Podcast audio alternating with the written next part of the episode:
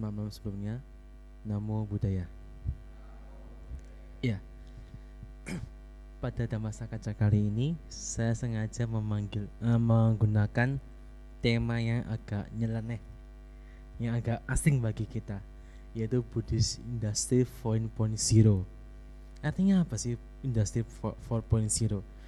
Industri 4.0 atau Industri 4.0 adalah fenomena atau revolusi industri yang paling baru. Dan itu sudah mulai menyebar di mana-mana.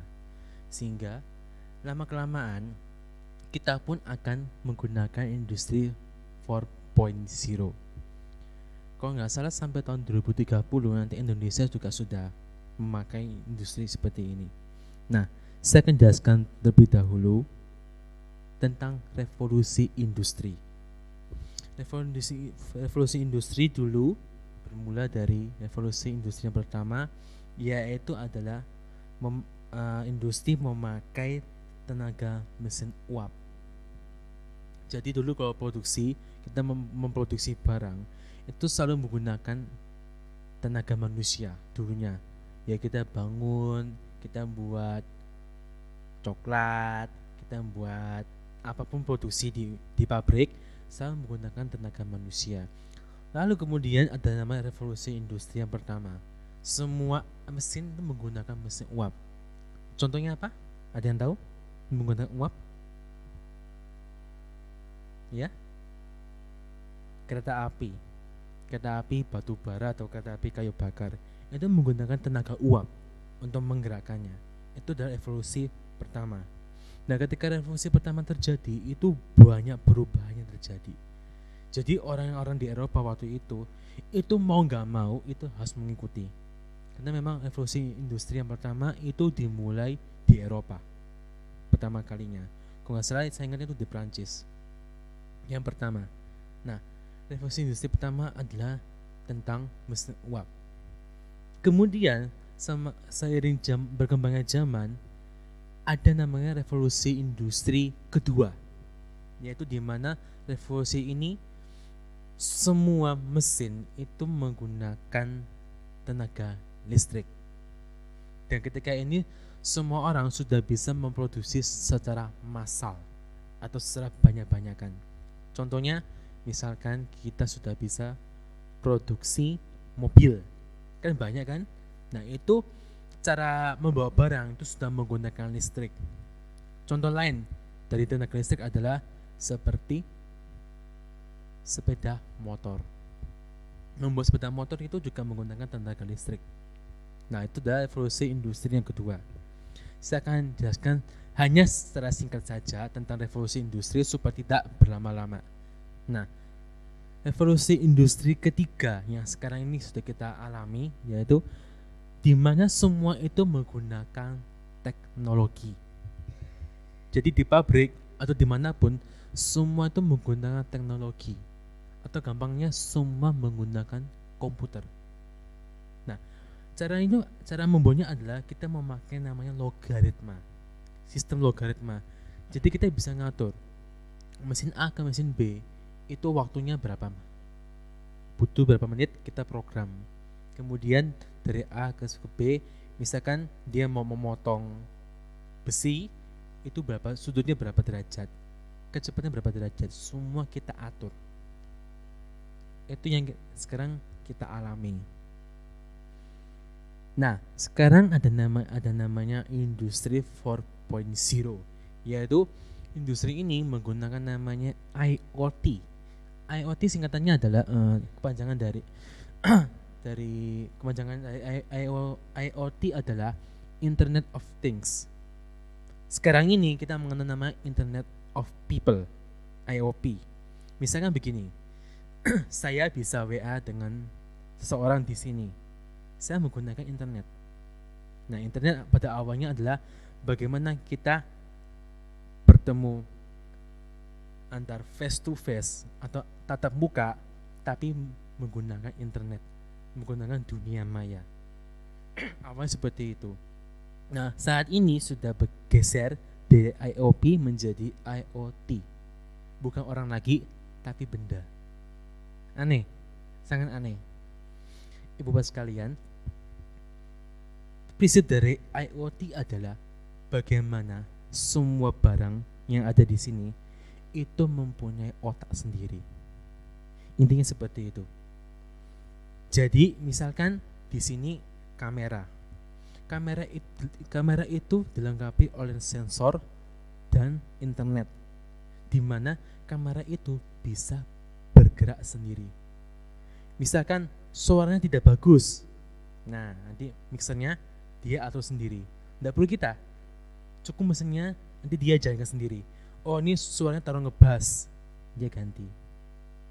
Suaranya terlalu cengkering gitu ya terlalu nyaring.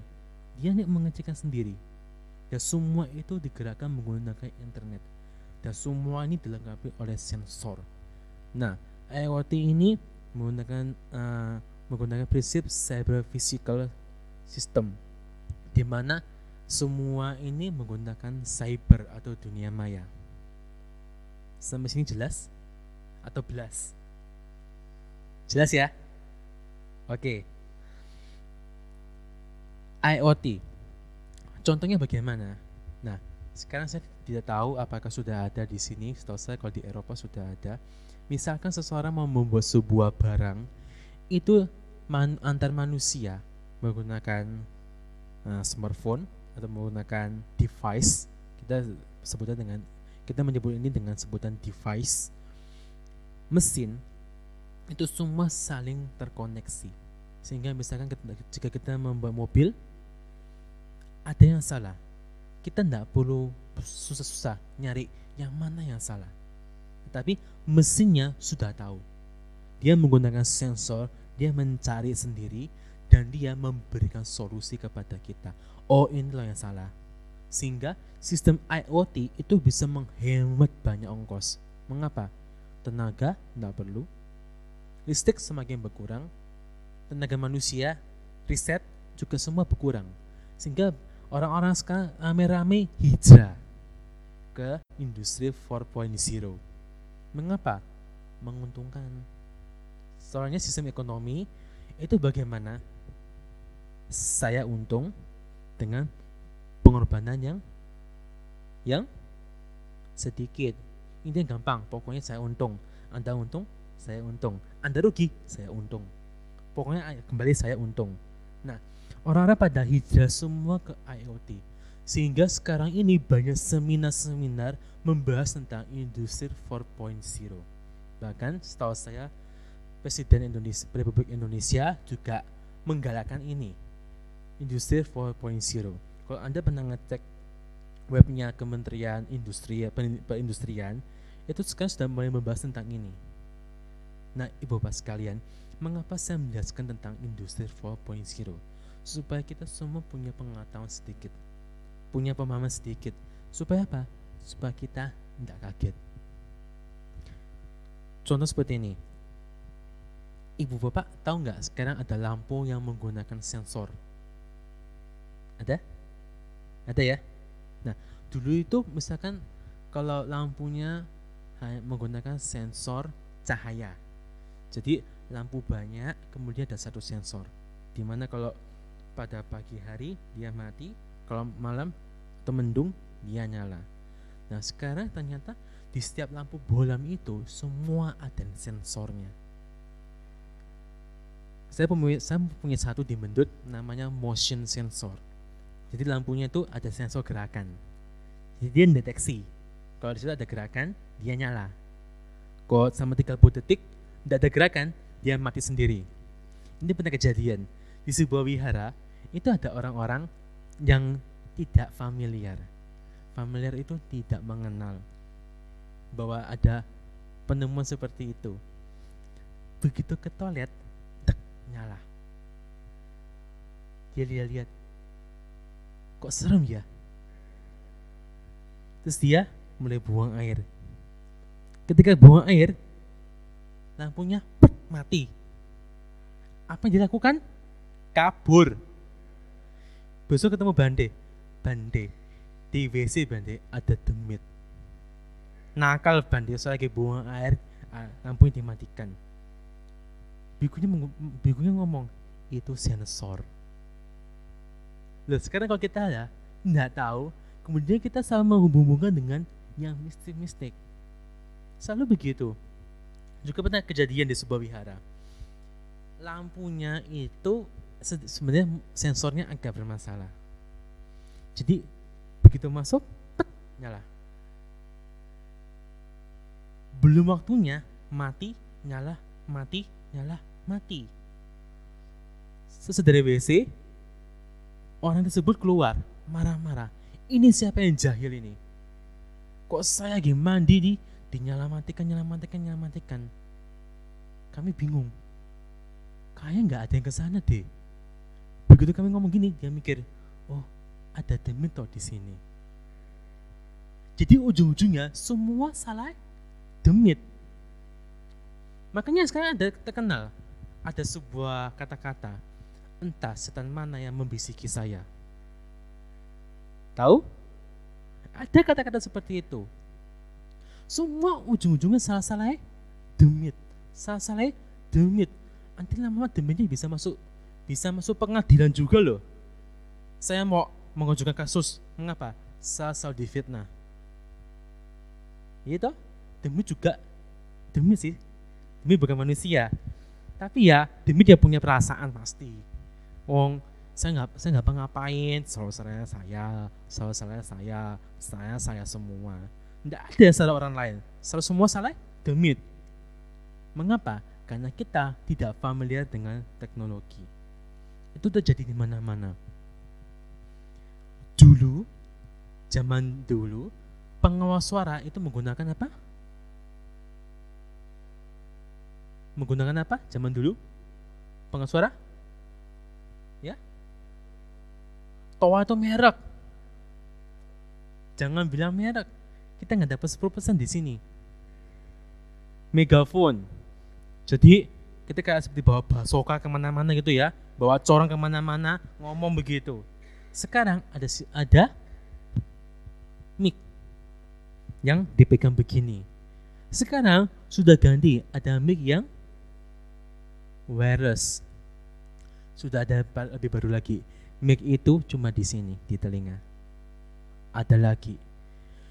Dunia itu selalu berkembang teknologi selalu berkembang, tapi bagaimana kita yang menyikapinya dan bagaimana kita mengenal teknologi tersebut.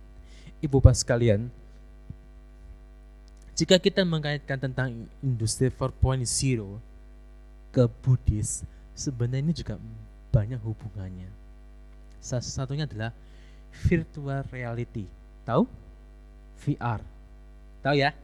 Jadi kita kalau pakai kayak seperti kacamata besar begitu bisa lihat sebuah pemandangan atau apa itu itu sepertinya seru banget.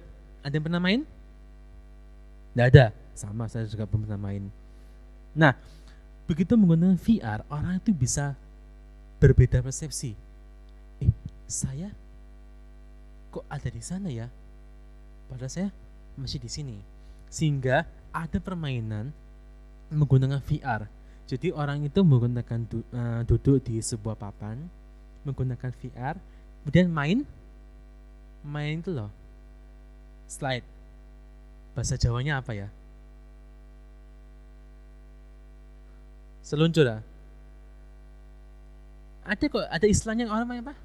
Waktu zaman kecil, pelosotan. Ya, pelosotan. Nah, ketika main begitu, itu orang bisa teriak-teriak. Oh, gitu Padahal dia duduk. Cuma duduk pakai kaca kaca pakai kacamata begitu. Begitu main gerak, teriak dia, ah, akhirnya pingsan. Kaget dia soalnya, pingsan beneran. Tapi ini terjadi. Juga misalkan, kalau ibu bapak, kalau sempat main, main aja, pakai kacamata begitu, kita melihat kita di tepi jurang. Kemudian ada yang jahil, di belakang didorong orangnya teriak lompat sungguhan loh padahal aneh dia cuma berdiri saja. Di belakang didorong. Ibu bapak sekalian ini adalah pengembangan teknologi virtual reality. Dan kemungkinan ke depannya Buddhis juga akan seperti itu. Jadi anda mau melihat India tanah suci gunakan VR enak sudah. Kan sekarang cuma lihat dari smartphone kan? Pakai YouTube lihat oh India begini toh. Oh Thailand begini toh kok anda menggunakan VR anda seperti berada di sana. Menghemat ongkos tidak perlu tiket ke sana. Bener ya? Dan bagi orang yang nggak bisa ke sana enak. Saya punya kesempatan. Dan ini merupakan sebuah perkembangan bagus bagi bagi Buddhis. Mengapa? Bagi orang-orang yang yang kekurangan misalkan anggota tubuh uh, disability itu orang-orang yang disability yang mungkin cacat begitu dia tidak bisa pergi-pergi dia masih bisa menikmati. Dia masih bisa mengetahui oh tanah suci tanah tempat kelahiran sang Buddha di sini. Tempat parinibbana sang Buddha di sini. Itu malah membagikan keyakinan yang bagus. Mengapa? Di selama ini nggak pernah bisa lihat. Begitu ada teknologi ini dia bisa melihat. Dan semua teknologi sekali lagi semua teknologi ini menggunakan internet Bapak sekalian yang kedua adalah bagaimana Buddhis itu berhubungan dengan namanya artificial intelligence kecerdasan buatan seperti tadi saya katakan bahwa IoT itu sebenarnya semua benda-benda ini mempunyai otak sendiri-sendiri mempunyai kecerdasan buatan sendiri-sendiri. Saya ngomong begini, ada yang ngatur. Yang ngatur bukan manusia. Uh, kamera, begitu saya geser begini, dia bisa ikut saya. Semua semua benda-benda mempunyai kecerdasan buatan masing-masing. Sehingga ibu bapak sekalian, ke depannya jangan kaget. Nanti ada mobil bisa jalan sendiri. Jangan teriak-teriak, ada demitnya ada demitnya. Jangan. Itu adalah teknologi di mana semua itu menggunakan internet. Ibu Bapak sekalian, sebenarnya sekarang ini sekarang ini sedang banyak uji coba mengenai 5G. Tahu 5G ya? Tahu apa? Ya? Generasi kelima, oke, okay. five generation benar 5G itu di mana semua benda-benda itu sudah mulai menggunakan IoT. Misalkan begini, saya ada di sini, saya menggunakan smartphone. Di kulkas, sepertinya nanti saya memasukkan sebuah makanan. Dan kalau itu tidak disimpan dengan baik, akan busuk. Saya menggunakan smartphone untuk mengubah suhu dalam kulkas. Bisa loh. Ciamik ya. Ciamik sekali. Saya mau menggerakkan mobil menggunakan smartphone. Tahu? Sekarang ada kan? Merek tertentu. Kalau kita di sini aplikasinya bisa maju, maju sendiri, mundur, mundur sendiri. Hebat loh. Dan semuanya menggunakan internet. Ibu bapak sekalian, sekarang masih tanya seperti itu. Tapi ke depannya semua ini akan punya sensor sendiri dan kita tidak perlu maju mundur maju mundur. Semua akan jalan sendiri sesuai dengan keinginan kita. Misalkan saya mau keluar dari pintu ini, mobilnya akan jemput sendiri. Oke, hebat, tidak perlu bayar sopir. Datang sendiri. Dan itu merupakan merupakan pengembangan teknologi. Dan ibu bapak sekalian, saya ingatkan lagi bahwa teknologi itu akan datang secepatnya. Mau nggak mau kita pasti akan menggunakan namanya IoT ini. Tetapi bagaimana kita menyikapinya? Nah, Buddhis ada Buddhis ini membicarakan bagaimana kita menyikapi hal-hal seperti ini. Ibu bapak sekalian, apakah Buddhis menolak artificial intelligence? Apakah Buddhis menolak tentang kecerdasan buatan? Tidak sama sekali. Itu dapat teknologi dan itu tidak ada masalah. Tetapi sekali lagi, namanya artificial intelligence itu dibuat oleh manusia. Dan artificial intelligence tidak pernah ada ada dalam suta-suta atau dalam kita komentar bahwa artificial intelligence atau kecerdasan buatan itu bisa mencapai arhat. Tidak ada. Belum pernah ada. Kayak enak ya. Kita ke depannya mau mencapai jana. Pasang internet oh mencapai jana mencapai kesucian. Pasang internet mencapai kesucian. Kayak enak, enak sekali begitu ya. Tapi tidak ibu bapak sekalian. Artificial intelligence hanya sebatas memudahkan hidup kita. Masa spiritual artificial intelligence tidak bisa. Mengapa? Karena dibuat oleh manusia. Manusia sendiri untuk mencapai tingkat spiritual yang tinggi itu butuh latihan. Di mana manusia itu terdiri dari namanya terdiri dari namanya batin dan jasmani. Artificial intelligence itu hanya sekadar mengukur jasmani. Loh, Bante, robot itu juga bisa dibikin perasaannya loh Bante. Makanya ibu, ibu Bapak kalau yang rajin update teknologi sekarang ada robot yang bisa nangis atau robot yang bisa mengerti mau kita apa saya lagi sedih. Robotnya bisa jawab oh iya kamu kenapa? Makanya kalau di Jepang itu banyak orang gak mau nikah dengan manusia. Maunya nikah dengan robot. Mengapa? Hanya robot yang bisa mengerti diriku. Iya manusia tidak bisa. Yang bisa cuma robot. Jadi ke mana-mana selalu ditemani oleh robot. Nanti pembantunya juga robot. Anaknya juga robot. Semua gampang. Kenapa? Semua sesuai dengan kehendak saya soalnya. Ibu sekalian, Buddhis tidak membicarakan tentang hal itu. Buddhis membicarakan bagaimana kita menyikapi semua hal ini. Ibu bapak sekalian, kalau kita lihat dari industri 1, 2, 3, dan 4, semua itu ada perubahan yang dominan. Ada perubahan yang cepat.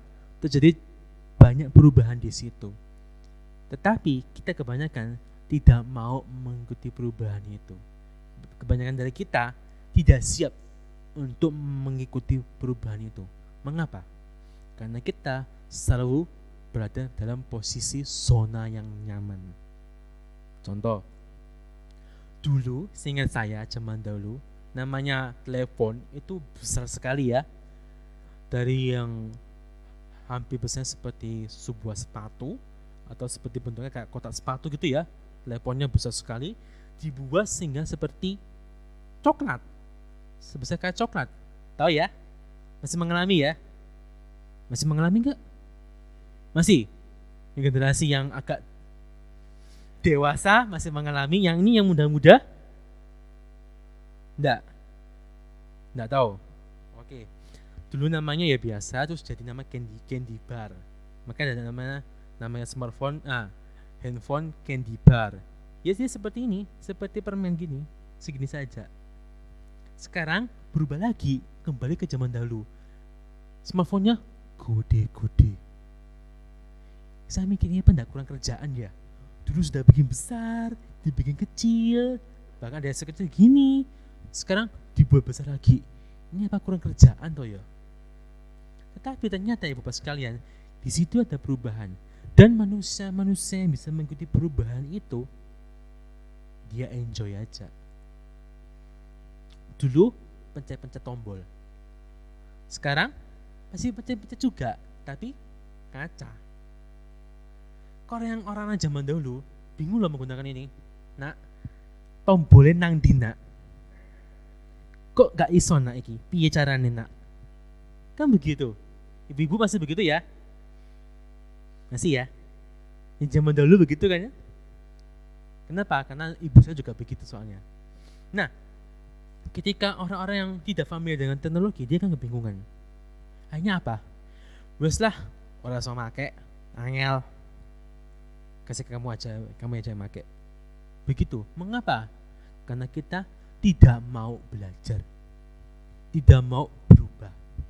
Padahal seperti smartphone seperti ini, ini memudahkan sekali. Jadi anak mau hubungi orang tuanya, tidak perlu, tidak perlu, tidak perlu, tidak perlu surat, tidak perlu pulsa. Kau pakai internet bisa toh? Video call, bisa ya? Loh, ada juga loh orang-orang yang agak-agak aneh eh, kadang-kadang para biku ini dikira dukun Jadi dikira para biku ini semua bisa apa? Melihat jarak jauh. Saya bilang, para biku bisa. Kami bisa melihat jarak jauh. Loh, kok bisa? Iya, menggunakan video call. Kan bisa toh? Saya lihat di sini, Anda lihat di sana. Halo, bagaimana? Kan bisa. Tapi umat-umat saya berpikir bahwa biku itu selalu dipenuhi dengan mistik, mistik, mistik dan mistik. Selalu begitu. Tetapi umat Buddha dan bikunya juga yang mengikuti perubahan itu bisa mengikuti perubahan, dia tidak akan seperti ini. Mengapa? Beda zaman. Beda-beda zaman. Jadi kita tidak akan bingung lagi. Ibu bapak sekalian, kita sebagai umat Buddha kadang-kadang tidak siap untuk melihat perubahan atau mengalami perubahan. Mengapa? Karena basicnya kita, dasarnya kita adalah kita nyaman terhadap zona nyaman. Kan kalau Anda pergi ke sebuah tempat atau ikut retreat ya, semua smartphone Anda disita. Mau nggak? Mau nggak? Mau? Jika Anda pergi retreat, semua HP-nya disita, mau nggak? Mau? Mau disita? Nggak normal. Pada umumnya nggak mau. Jangan gitu, banyak orang-orang kok. Nah, Bante, ketika Pak Baja ya, itu bahasa yang terjadi. Bante, boleh nggak saya pinjam HP-nya? Loh, kamu jadi sama Nera kok mau pakai HP-HP di depan umat? Iya Bante, saya ada kebutuhan, saya ada kepentingan tetapi kita lihat sekitar Pak Baja, orang-orang tidak bisa lepas dari smartphone. Pak Baja kepikiran, Bante, gimana ya kambing saya Bante? Bante, gimana ya keluarga saya di rumah? Bingung nyari smartphone-nya. Bahkan ketika Pak Baja, ada yang lebih seru lagi. Bante, HP-nya dibagi kapan Bante? Ikut dua minggu nih cari ingatnya cuma pikirnya cuma ke HP, HP, HP, HP. Selalu ke situ terus. Ibu bapak sekalian, mengapa begini? Karena mereka semua atau kita semua nyaman dengan nyaman dengan HP. Sehingga begitu di zona nyaman Anda ditarik, Anda akan melawan. Saya melawan Anda, kalau Anda tidak bisa melawan, Anda akan berusaha mencari cara supaya mendapatkan zona nyaman itu kembali. Nah, agama Buddha itu memberitahukan bahwa kita supaya bisa menghadapi perubahan yang ada. Itu yang dilakukan oleh Sang Buddha. Seperti yang telah saya jelaskan pada Dhamma yang dulu tentang persepsi bahwa Sang Buddha mengajar pertama kali adalah persepsi anicca atau tidak kekal. Mengapa? Supaya kita itu mau menerima adanya perubahan. Kita terkadang gak mau menerima perubahan. Contoh, ini kan lagi hujan. Jujur, ada yang ngomel nggak? Tadi pas datang ke sini, pas datang ke sini ada ngomel nggak? Kok hujan? Ada? Nggak ada ya? Oh gitu ya, seneng ya, happy. Tapi misalkan ada hujan, kita juga ngomel. Kita ngomel, panas sih sumu iki hujannya kapan toh iki gara-gara bandes sih gak, gak hujan-hujan ngomel kita pada pada basicnya kita selalu ngomel kenapa? Kita tidak bisa menerima perubahan yang ada. Istilah terkenalnya istilah tangan istilah terkenalnya kita suka nyinyir. Tahu ya? Nyinyir. Apa nyinyir? Ya? Mencibir ya nggak salah ya? Suka ngomong jelek-jelek. Ada yang bagus ada yang jelek kita selalu suka nyinyir. Contoh hal yang buruk dulu ya. Misalkan ada orang tua yang mau ke sini mau masuk. Jalannya pelan-pelan. Di belakang kita suka ngomel loh. Iki mending tak sorong aja iki kok pelan banget. Ini orang tua kok sama siput lebih cepat siput jalannya. Ini kok lambat sekali. Pengen tak sorong aja kemudian ngomong juga mbah lewis tuwek gak usah nang wihara mbah. Mending nang oma nang oma wae. Nyapo gangguan yang wihara. Pikiran juga begitu. Orang tua ngapain nih ke sini ya? Wong dengar dengar dengar ceramah juga pasti ngantuk. Ya mas malesan yo gak mudeng sisan. Kita selalu berpikir seperti itu. Kita tidak mau melihat melihat adanya perubahan. Bahwa memang orang itu dari muda pasti akan tua. Ketika dia tua, pasti badannya kesulitan. Mona itu berat sekali loh badannya itu. Kalau kita yang masih muda, saya berpikir ini ganggu saja. Tapi begitu kita jadi kita yang muda, kita yang dari muda menjadi tua, mengalami hal yang sama, dia mau orang-orang orang lain, kita pasti emosi. Kan nggak fair, tidak adil. Begitulah sifat kita. Yang buruk selalu begitu. Yang baik juga ada. Misalkan tentang jodoh. Jodoh itu baik atau buruk? Jodoh itu baik atau buruk? Kalau yang buruk berarti Anda siap-siap jadi biku. Enggak juga. Nah, ada orang bilang pada saya, ada Bande ada seseorang yang prianya tidak tampan. Tapi dapat, dapat wanita yang cantik Bande. Itu wanitanya bodoh soalnya. Mau aja. Pertama. Kedua, si pria ganteng. Yang wanita tidak cantik. Apa dikatakan?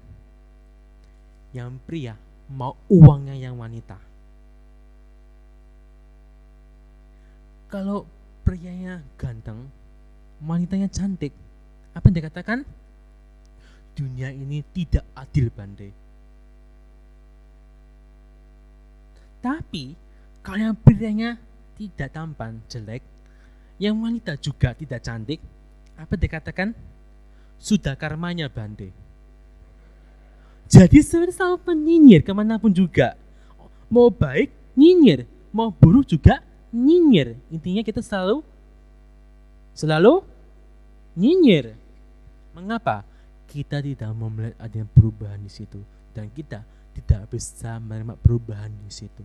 Ketika seseorang tidak bisa menerima perubahan, maka di situ dia mulai menderita, ibu pak sekalian. Nah, agama Buddha mengajarkan pertama kali kita harus bisa menerima perubahan. Nanti kalau suatu saat Anda semua harus menggunakan IoT, maka terimalah itu semua. Janganlah menolak. Ketika Anda menolak, maka Anda akan menderita. Kan kebingungan toh? Yang sebelahnya yang sebelahnya pakai smartphone, kendalikanlah uh, mengontrol semua lampu, pintunya geser sendiri pakai smartphone. Jadi orang orang yang nggak tahu bisa kaget-kaget loh. Kan dulu ada begitu. Ada orang yang sengaja mengajar temannya. Jadi begitu masuk ke apartemen, dikejar oleh temannya. Lampunya diganti-ganti warnanya. Kan ada dah yang satu lampu terus kan banyak warna kan, ada yang merah, kuning, hijau, bisa ganti-ganti. Nah temannya itu dalam dalam kamar menggunakan smartphone diganti hijau, merah, kuning, biru. Temannya kabur. Rumahmu kok ngeri sekali. Ada begitu juga. Mengapa? Tidak familiar dan tidak mau tidak mau menerima. Begitu dijelaskan oleh temannya, itu saya tadi pakai ini loh, pakai ini loh, pakai aplikasi ini loh. Apa dia katakan? Kamu tuh usah aneh-aneh Buya pakai lampu biasa saja. Temennya ngomong, yang punya rumah siapa? Kamu ngatur-ngatur saya. Kan aneh kan? Tapi kita yang sudah tahu lampu ini bisa banyak warna, jangan kaget. Nah, kalau kita tidak, tidak bisa menerima bahwa itu lampu ini bisa ganti-ganti, kita akan menderita, stres. Demit ya, ikan demit ya, ikan demit ya, sopo si ganti lagi, stres tapi orang yang bisa menerima perubahan, wah keren ya, jadi merah, eh jadi kuning eh, hijau apalagi habis nih oh biru. Oh ungu. Keren. Bagus. Orang-orang yang bisa bisa uh, adopsi dengan teknologi itu adalah orang-orang yang bisa menerima perubahan yang ada. Dan saya yakin untuk IoT sebenarnya itu adalah perubahan ke arah yang bagus bukan ke arah yang buruk. Mengapa? Karena orang-orang yang merancang IoT itu untuk memudahkan memudahkan hidupnya manusia bukan untuk menyusahkan hidupnya manusia nah ibu pas sekalian setelah dari kita kita mengatakan tentang artificial intelligence atau kecerdasan buatan selanjutnya adalah bagaimana bagaimana Buddhis memandang IoT itu sendiri karena banyak anggapan IoT itu tidak mem, tidak menggunakan etika. Jadi pengembangan teknologi itu tidak memandang etika. Misalkan begini. Sekarang kan ada namanya baju I can see. Bener ya? I can see. Bener nggak? I can see toh. Yang lihat siapa? Saya, bukan Anda. Bener kan? Bener nggak? Salah. I can see yang you can see lah. Kita bisa lihat sama-sama. Kalau orang zaman dulu melihat baju baju I can see atau you can see itu aneh kan? Ih, ini kok sama sekali gak sopan ya. Tapi begitu mengikuti zaman, itu bisa menjadi hal yang lumrah bagi kita. Ke depannya bisa lagi loh, orang-orang menggunakan smartphone nantinya atau menggunakan teknologi bisa lihat tembus pandang di scanning begitu. Oh ini tulangnya di sini. Itu apakah apakah beretika? Apakah beretika? Apakah beretika? Mengapa tidak? Mengapa tidak? Karena tidak minta izin. Kayak itu saja. Coba kalau kasih izin, eh saya boleh nggak izin saya mau scanning badan anda? Oh boleh silakan ya scanning begini. Kan boleh. Dikasih izin kok soalnya. Nah kebanyakan orang-orang yang menggunakan, teknologi tidak mengindahkan etika. Contoh yang mudah budi suka nggak suka nggak ngerjain teman-temannya HP diambil media sosial, media sosial, media sosial dibuka, WA-nya, WA-nya dibuka, terus di, chat, di chatting ke orang lain, dibalas begitu kan? Sering nggak begitu? Sering nggak? Enggak? Jujur loh. Jujur. Karena zaman saya saya masih begitu juga. Suka ngerjain teman-teman saya. Ya memang saya akui saya memang orang agak jahil.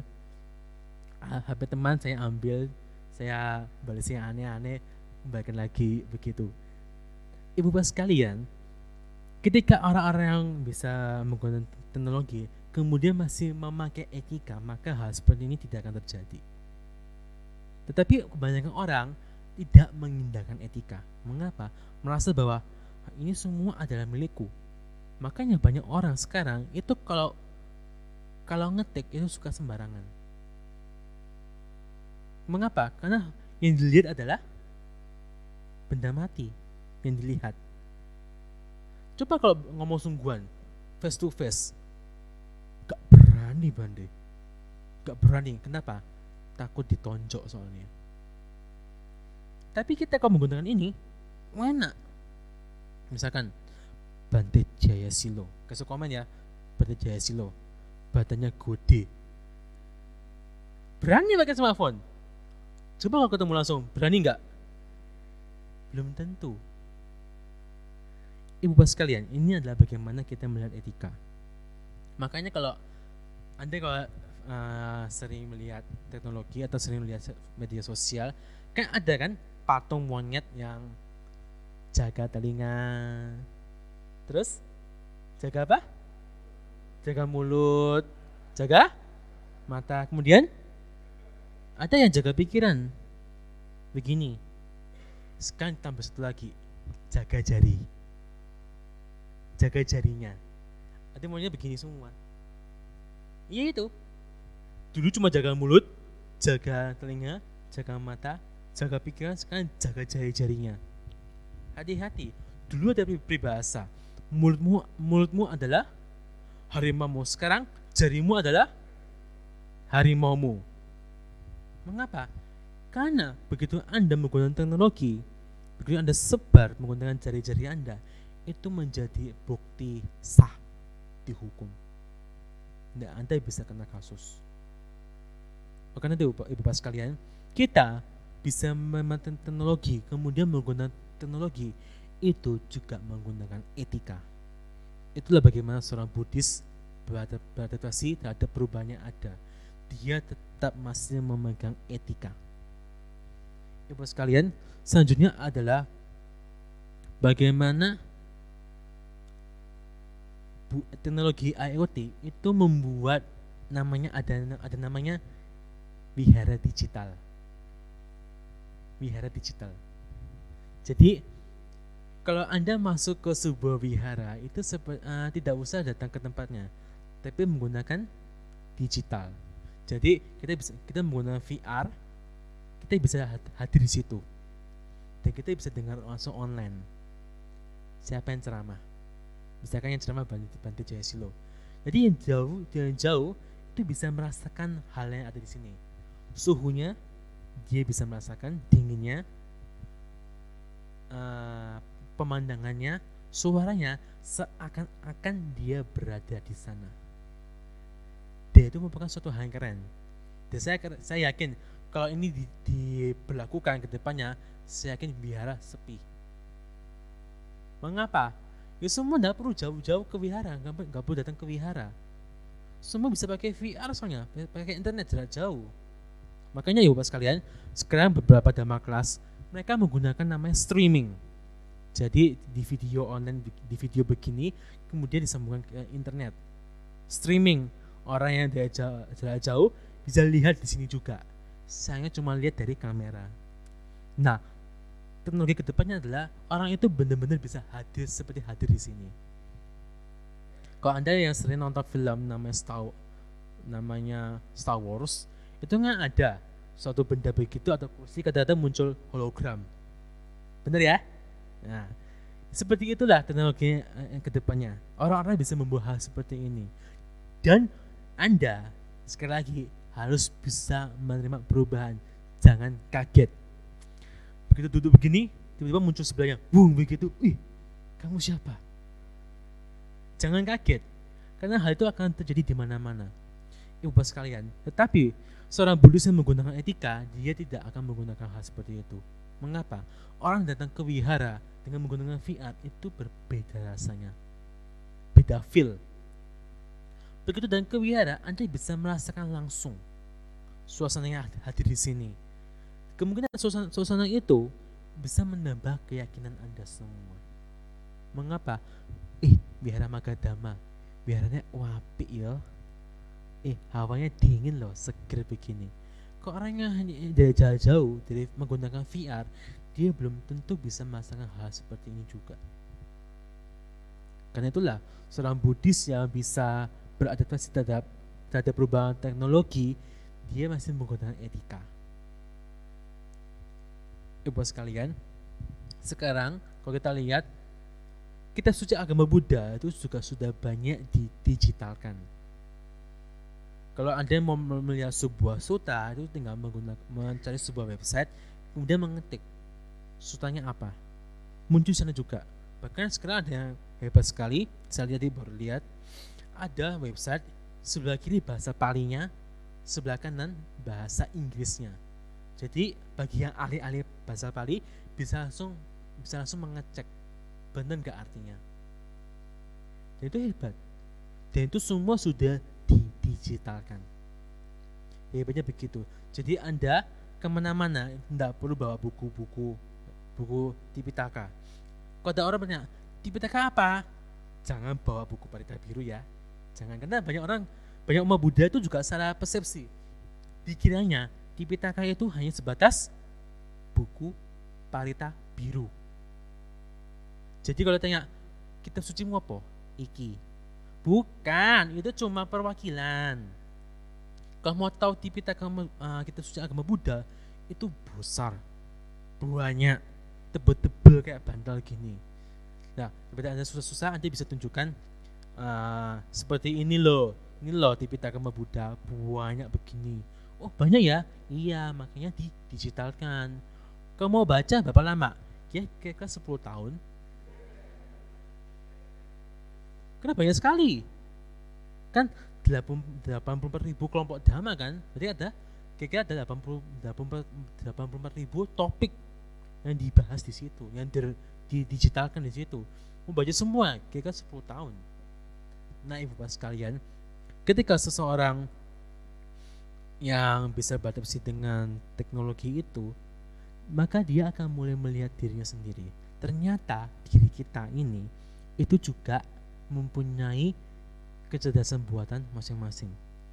Loh, kok bisa? Contohnya begini. Ibu bapak pernah lapar? Pernah lapar? Pernah ya? Kapan? Sekarang ini. Wow. Ketika ibu bapak lapar itu, ibu bapak bisa nggak ngontrol lapar itu supaya hilang? Bisa nggak? Bisa? Lapar itu hilang kalau dengan makan. Lapar itu begitu datang, begitu pergi, dia datang dan pergi semaunya dia sendiri. Coba perhatikan, ketika Anda makan juga, Anda juga tidak bisa menentukan kapan laparnya itu hilang. Tidak bisa. Tapi tiba-tiba Anda menjadi kenyang. Kemudian lapar itu hilang. Contoh begini, misalkan Anda digigit nyamuk di sini, kemudian anda kan masa sakit toh? Sakit gitu. Pertanyaan saya siapa yang memberi perintah di daerah sini? Tidak ada. Itu adalah sensor dari sensor apa namanya? Motorik. Dia memberikan sinyal. Berarti tubuh kita semua ini punya fungsinya masing-masing dan punya kecerdasan masing-masing. Coba kita kalau kita perhatikan dari tubuh kita sekarang. Bisa nggak kita mengendalikan tubuh kita? Bisa? Bisa nggak kita mengendalikan tubuh kita? Bisa? Bisa nggak mengendalikan tubuh kita? Bisa nggak? Bisa? Oke, saya tanya. Bisa nggak uh, mengontrol atau mengendalikan tubuhnya supaya rambutnya tidak jadi putih. Bisa? Bisa? Bisa, semir. Tapi itu ada menggunakan bahan-bahan dari luar. Tapi kalau dalam dari pribadi kita, bisa nggak? Tidak bisa. Begitu rambutnya sudah putih, mau kembali jadi hitam, tidak bisa. Nunggu lahir kembali bawa jadi, bawa jadi hitam lagi. Tapi kita lihat dari tubuh kita yang kita tidak bisa mengendalikan. Apakah Anda bisa mengontrol supaya kuku Anda tidak tumbuh? Bisa? Tidak bisa. Apakah Anda bisa mengendalikan supaya pendengaran, penglihatan, dan apa pun dan tubuh kita supaya tidak melemah, supaya tidak berkurang? Apakah bisa? Tidak bisa berarti itu sudah merupakan sebuah bukti bahwa tubuh kita tidak bisa kita kendalikan. Perasaan batin juga sama. Ibu sekalian, apakah ibu bapak bisa mengendalikan perasaan supaya jangan marah, supaya uh, begitu marah muncul, anda bisa langsung menghilangkannya? Apakah bisa? Mengapa? Karena sebenarnya dari tubuh dan jasm, tubuh dan batin jasmani dan batin kita tidak ada kita di sana. Netang mama tidak bukan milikku, tubuh ini bukan milikku. Batin ini juga bukan milikku. Mari disebut netang mama. Na esoha masmi. Tubuh ini, jasmani ini itu juga bukan aku. Ini bukan aku. Kalau aku tanya, Jasilo yang mana yang disebut Jaya Silo? Matanya, hidungnya, kulitnya atau rambutnya? Yang mana? Tidak ada. Jaya Silo, Jaya Silo itu hanya sebuah kesepakatan nama yang disepakati oleh banyak orang bahwa inilah Jaya Silo. Name so atati itu juga bukan diriku. Jadi dalam tubuh ini, ini bukan milikku, ini bukan aku, dan ini bukan diriku. Itu yang ditekan oleh Sang Buddha. Mengapa? Karena sebenarnya dalam tubuh kita itu hanya diri kita yang menganggap bahwa kita yang punya, kita yang mengendalikan semua. Padahal sebenarnya tidak. Oleh karena itu, ibu bapak sekalian, seorang Buddhis harusnya dia bisa mengerti akan hal ini dengan menggunakan teknologi. Contohnya, dia bisa memakai Tipitaka yang sudah didigitalkan atau khotbah-khotbah atau cara meditasi yang dia ingin pelajari kemudian mempraktikannya. Orang kok zaman dulu mau cari guru meditasi itu susah banget loh. Harus ke hutan, ke daerah mana. Sekarang bisa menggunakan bisa menggunakan apa? YouTube. Tinggal lihat aja oh caranya begini cara begini. Kemudian praktik. Dan ke depannya tidak tidak mustahil juga orang-orang bisa meditasi menggunakan VR oh itu lebih keren lagi loh. Tapi bapak sekalian Buddhis lebih menekankan pada bagaimana orang itu bisa menerima perubahan dan masih tetap menggunakan etika. Ketika dia masih bisa uh, menerima perubahan dia masih menggunakan etika diharapkan dia juga mengembangkan kebijaksanaan. Dia mampu melihat bahwa diri saya itu seperti IoT, seperti Internet of Things. Tubuh ini bisa gerak-gerak sendiri, batin juga seperti itu. Oleh karena itu, tidak pantas bagi saya sama sekali untuk menganggap bahwa tubuh dan jasmani ini adalah milikku, ini adalah aku dan ini adalah diriku. Tidak. Semoga dalam masa kaca ini membawa sebuah pemahaman baru kepada Anda. Semoga Anda selalu maju dalam dhamma. Semoga Anda semua selalu berbahagia.